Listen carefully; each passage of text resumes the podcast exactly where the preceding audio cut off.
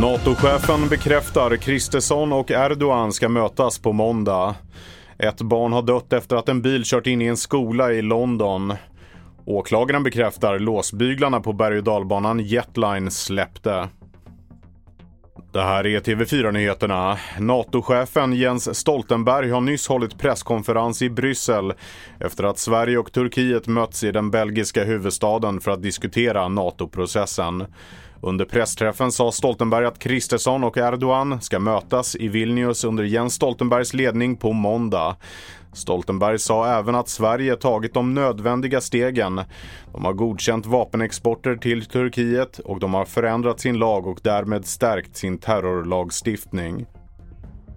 Ett barn har dött och flera har skadats efter att en bil kört in i en skolbyggnad i Wimbledon i sydvästra London.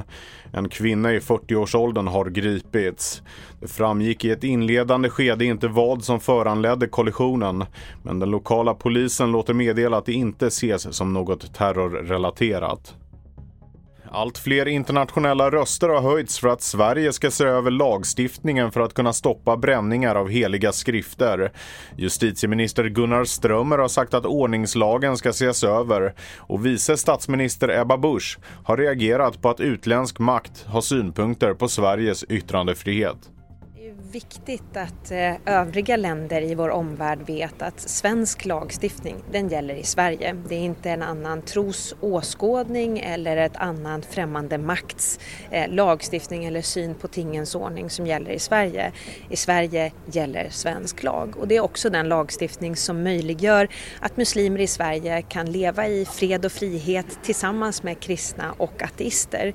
Eh, och det är viktigt att slå vakt om det. Det är ingen annan som får lov att utöva påtryckningar på Sverige. Tre personer föll ut från Jetline när berg och dalbanan spårade ur. Nu konstaterar åklagare Christer B Jarlås, som leder förundersökningen, att låsbyglarna släppte. Det säger han till Expressen. Enligt Statens haverikommission kvarstår mycket i utredningen. Bland annat ska tågets alla vagndelar undersökas. En 35-årig kvinna dog i samband med olyckan på Gröna Lund och ytterligare nio personer skadades. Mer nyheter hittar du på tv4.se.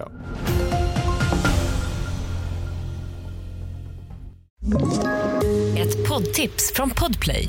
I fallen jag aldrig glömmer djupdyker Hasse Aro i arbetet bakom några av Sveriges mest uppseendeväckande brottsutredningar går vi in med hemlig telefonavlyssning och, och då upplever vi att vi får en total förändring av hans beteende. Vad är det som händer nu? Vem är det som läcker?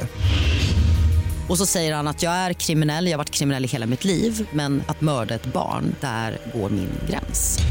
Nya säsongen av Fallen jag aldrig glömmer på Podplay.